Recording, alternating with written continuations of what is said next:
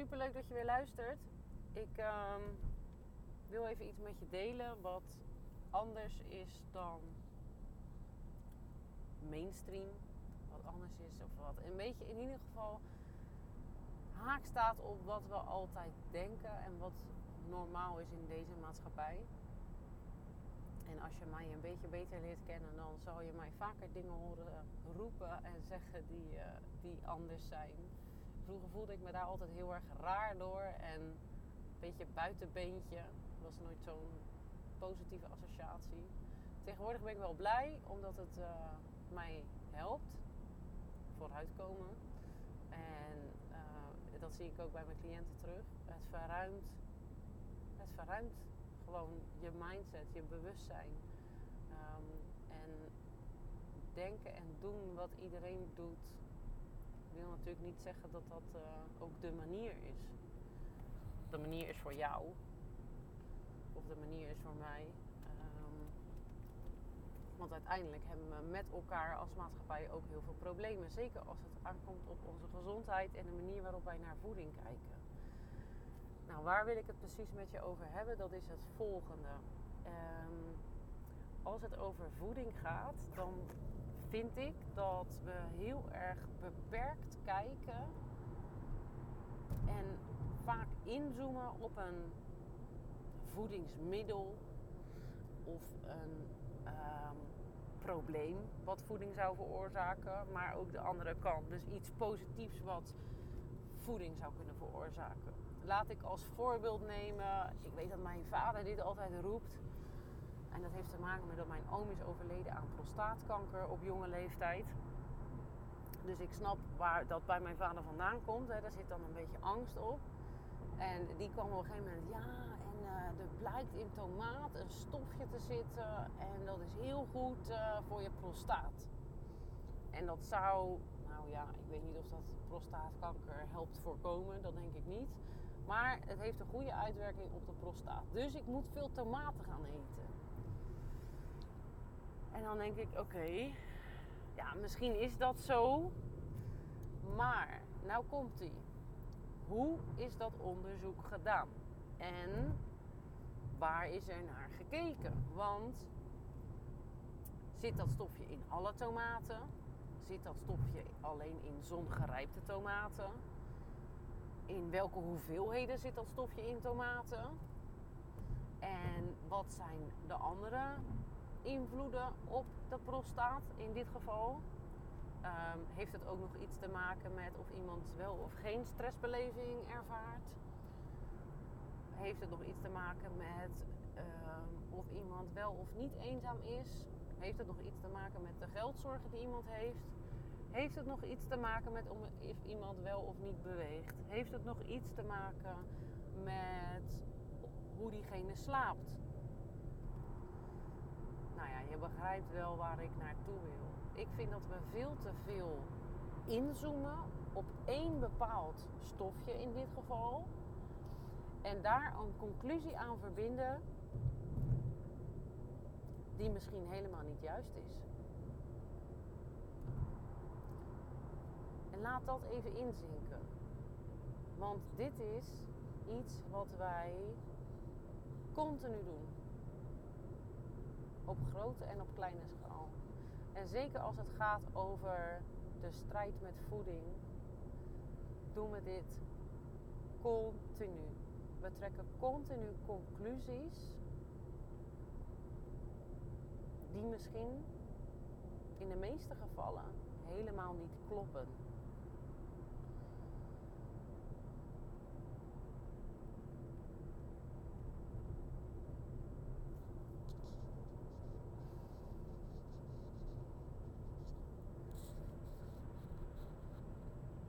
Sta daar even bij stil.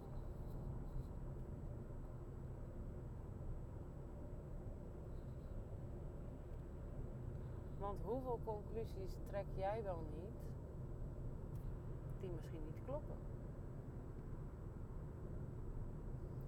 Laat ik mezelf nog iets verder toelichten. Op het moment dat wij inzoomen op calorieën tellen, gaan we volledig voorbij aan de micronutriëntenwaarde. Dat zijn vitamines en mineralen. Die een voedingsmiddel ons mogelijk kan leveren. Of niet. Ook gaan we voorbij aan de energetische waarde van een voedingsmiddel. En misschien denk nu, oké Tess, nu begin je zweverig te worden. Dit is wel hoe ik denk. En als je daar niks mee hebt, prima. Maar ik geloof dat er een energetische voedingswaarde is in, van onze voedingsmiddelen. En daarmee bedoel ik dat de energie op energetisch niveau die wij tot ons nemen ook heel erg belangrijk is. En die heeft dus alles te maken met hoe een voedingsmiddel wordt verbouwd, onder andere. Met welke intentie dat wordt verbouwd. In welke snelheid dat voedingsmiddel mag groeien. En dat zie je zeker natuurlijk als we kijken naar dierlijke voeding. Ja, een plofkip die in zes weken tijd een kilo kip moet opleveren, of weet ik veel hoeveel. Of een kip die gewoon in alle rust en met alle ruimte mag opgroeien. Zonder stress. Die lekker zijn eigen voer mag pikken uit de grond. En die niet wordt gevoed met mais of granen. Um, ik weet zeker dat die, als je die twee kip, kippen met elkaar vergelijkt en dus uiteindelijk met het stukje kip wat op jouw bord belandt, dat dat een andere energetische waarde heeft. En dat staat los van hoeveel calorieën dat stukje kip bevat en hoeveel vitamines of mineralen daarin zitten. Want ook dat verandert uiteraard. Maar er zijn dus heel veel factoren. Dan is er ook nog een factor met welke energie, dus hoe zit jij in je vel op het moment dat je eet? Ben je blij? Ben je gelukkig? Is het gezellig aan tafel? Of zit je alleen? Of is er strijd met je kinderen? Heb je een rotdag gehad? Ben je aan het balen van die reep chocolade die je net op hebt gegeten, waardoor je eigenlijk helemaal geen honger hebt? Weet je, er zijn zoveel factoren. En die sluiten wij maar al te graag buiten. En dat komt omdat we in het Westen nou eenmaal zijn opgegroeid met de wetenschap is heilig en de wetenschap die bepaalt wat klopt en wat niet. Maar de wetenschap is wat mij betreft heel beperkt. Omdat er altijd maar onderzoek wordt gedaan naar één factor en alle andere factoren tellen niet mee. Terwijl alles in het leven met elkaar verbonden is. En alles op elkaar invloed uitoefent. Je mind, je gedachten en je emoties hebben invloed op je fysieke lichaam. Maar ook andersom, je fysieke lichaam heeft ook invloed op je mind en op je emoties. Net zoals jouw omgeving invloed heeft op jouw zowel mentaal, emotionele als je fysieke toestand en jouw fysieke toestand weer en, je, en je, hele, dus je mentaal, emotioneel en fysieke toestand ook weer invloed heeft op de omgeving waar jij je in bevindt. We kunnen de dingen niet los van elkaar zien en we kunnen dus ook onmogelijk conclusies trekken door in te zoomen op één iets als een stofje in een tomaat en daarvan zeggen dat dat goed is tegen prostaatkanker. Het is gewoon onzin. En ja, je kan het niet met me eens zijn, dat mag. Maar dit is hoe ik erover denk. En dit is dus ook hoe ik naar onze gezondheid op menselijk niveau, en dat is fysiek, mentaal en emotioneel, kijk. En als je de strijd met voeding wilt stoppen, dan moeten we ook stoppen met continu bezig zijn met wat doet dit? Wat doet dat? Wat doet zus? Wat doet zo? Dit is slecht. Dit is goed. Want eerlijk gezegd weten we het helemaal niet. En als we het nou eens heel erg simpel maken. En we, en, we, en we duiken niet die wetenschappelijke wereld in. Die misschien wel enigszins een vorm van waarheid bevatten. Maar lang niet de hele waarheid. Want ik zeg ook niet dat dat allemaal onzin is en, en kwakzalverij. Zeker niet. Maar we moeten ons ook niet blind staren op dat dat de enige waarheid is. En dat dat de ultieme waarheid zou zijn. Dus als we nou eens die, die strijd met voeding stoppen En wij gaan ons logisch boerenverstand gebruiken. Van oké, maar wat is, dan, wat is dan wel gezond voor mijn lijf? Want ik ga daar even vanuit dat jij net als ik gezond wilt eten, omdat je dat belangrijk vindt voor je gezondheid. En niet omdat je wil afvallen. Misschien is dat ook een doel, maar je gezondheid is hetgene wat voorop staat. Of in ieder geval voorop zou mogen staan. Want als jij gezond bent, heb je vanzelf ook een gezond gewicht. En niet andersom.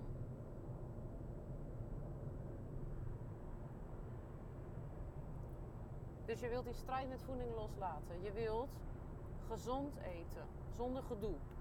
Zonder gezeik in je kop. Zonder regels.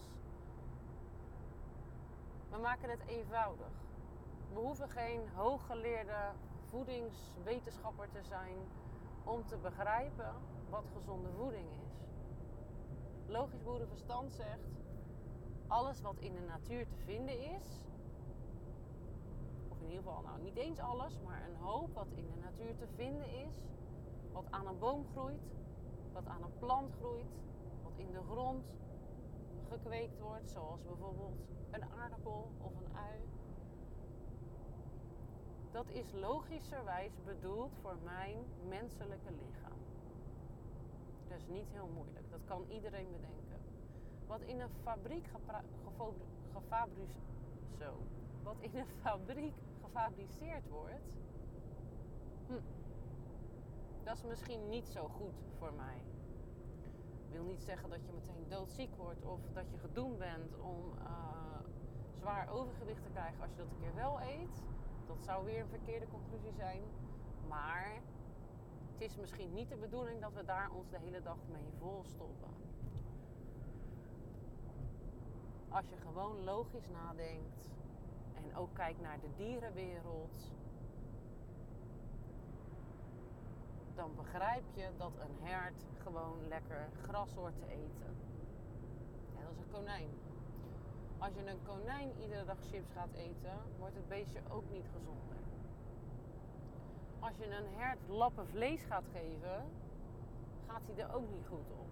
De kans is systeem niet tegen. Nou, wij kunnen zowel planten eten als vlees en vis. Daar is ons hele maag-darmstelsel ook opgebouwd. Dus dat is gewoon logisch nadenken. Dat heeft helemaal niks te maken met hogere wetenschappen of weet ik het wat. Dat kan, dat kan een kind van vier kan nog bedenken dat een appel die aan een boom groeit, dat dat, dat logisch is voor ons om te eten. En die zak chips niet. Dus het is allemaal niet zo ingewikkeld. Dat is eigenlijk wat ik er heel kort mee wil zeggen. We maken het onszelf veel te ingewikkeld doordat we steeds zo inzoomen en, en aan het onderzoeken zijn en dan weer die kennis uh, als de waarheid boven tafel halen. En dan weer die kennis aanwijzen. Want, en dan weer die nieuwste trend. En zo kun, kun je eindeloos door blijven gaan. Maar dat is de werkelijke obsessie van de geest. De werkelijke obsessie van de geest is het continu maar kennis blijven vergaren. De, van de ene trend in de andere trend. Van de ene hype in de andere hype. Jezelf volledig storten en steeds weer terugkomen op het punt van ja, dit werkt niet, of dit is het niet, of dit is het niet voor mij. Ehm, en nog steeds continu geobsedeerd zijn door voeding. Het heeft gewoon geen zin.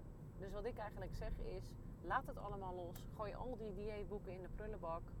En uh, verdiep je er ook niet meer in gebruik je logisch boerenverstand. En check de feedback die je krijgt van je lichaam. als jij iets eet en jij krijgt vervolgens last van je buik, maar let wel, kijk dan niet alleen naar wat je gegeten hebt, maar durf ook te kijken naar, oké, hoe zat ik in mijn vel toen ik dat at? Is er vandaag iets gebeurd wat mij emotioneel raakte? Hoe zit ik in mijn gedachten? Ben ik positief? Ben ik negatief? Maak ik me zorgen? Um, wat zijn verdere invloeden die er nu zijn? En, en concludeer niet meteen dat je niet tegen bepaalde voedingsmiddelen kan. Want op het moment dat jij die conclusie trekt, ga je dat geloven, hè, dan, dan is het eigenlijk al zo. Op het moment dat jij een conclusie trekt, dan is het al een overtuiging. En dan is de kans dus heel aannemelijk dat jij de volgende keer diezelfde reactie krijgt. Al is het alleen maar omdat jij dat gelooft. En ik ga hier nog een nieuwe podcast van maken, want dit is ook iets wat ik heb gedaan. En wat heel interessant is uh, om te weten. Maar anders wordt deze. Dat was eigenlijk niet mijn doel voor deze podcast. Voor deze podcast wilde ik mijn visie met je delen over hoe ik kijk naar hoe ingewikkeld wij alles maken en hoe we steeds verkeerde conclusies trekken.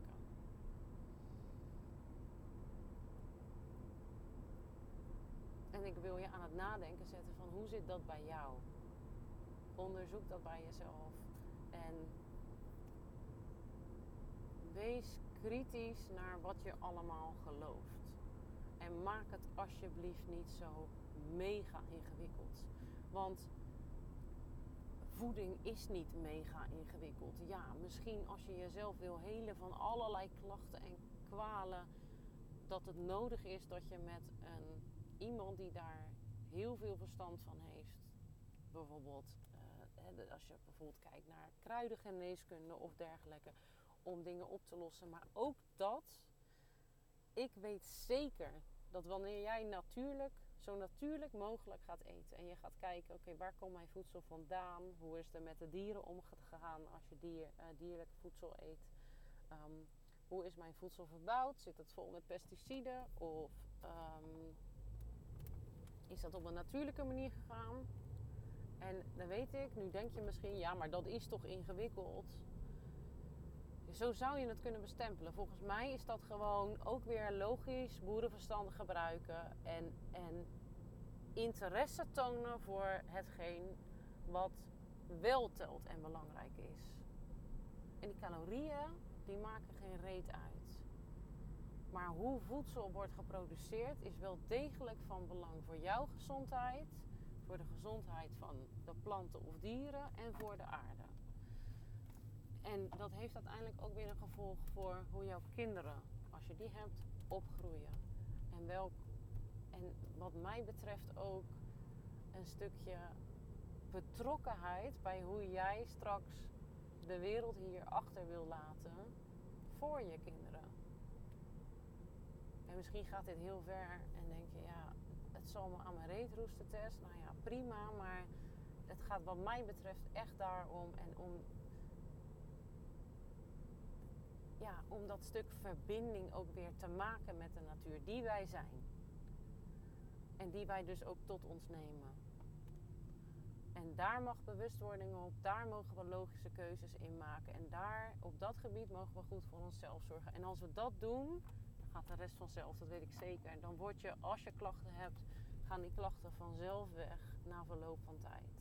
Zul je het, het, het zelfherstellend vermogen van het van ons systeem is zo fantastisch, zit zo geniaal in elkaar. Dat begrijp ik niet eens. Dat hoef ik ook niet te begrijpen.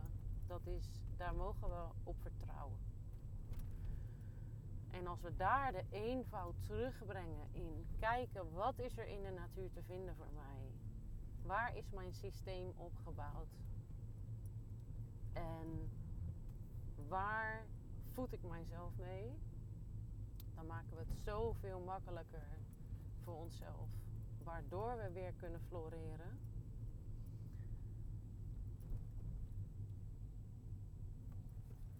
Ja, nou ja, daar, um, daar help ik uiteraard ook bij. Dat, uh, dat is een heel belangrijk aspect in mijn coaching. Binnenkort ga ik ook een training geven die, uh, nou, die een stukje van dit uh, belegt. belegt. Dat is een heel raar woord, klopt niet. Nou ja, die een stukje van dit zal bevatten.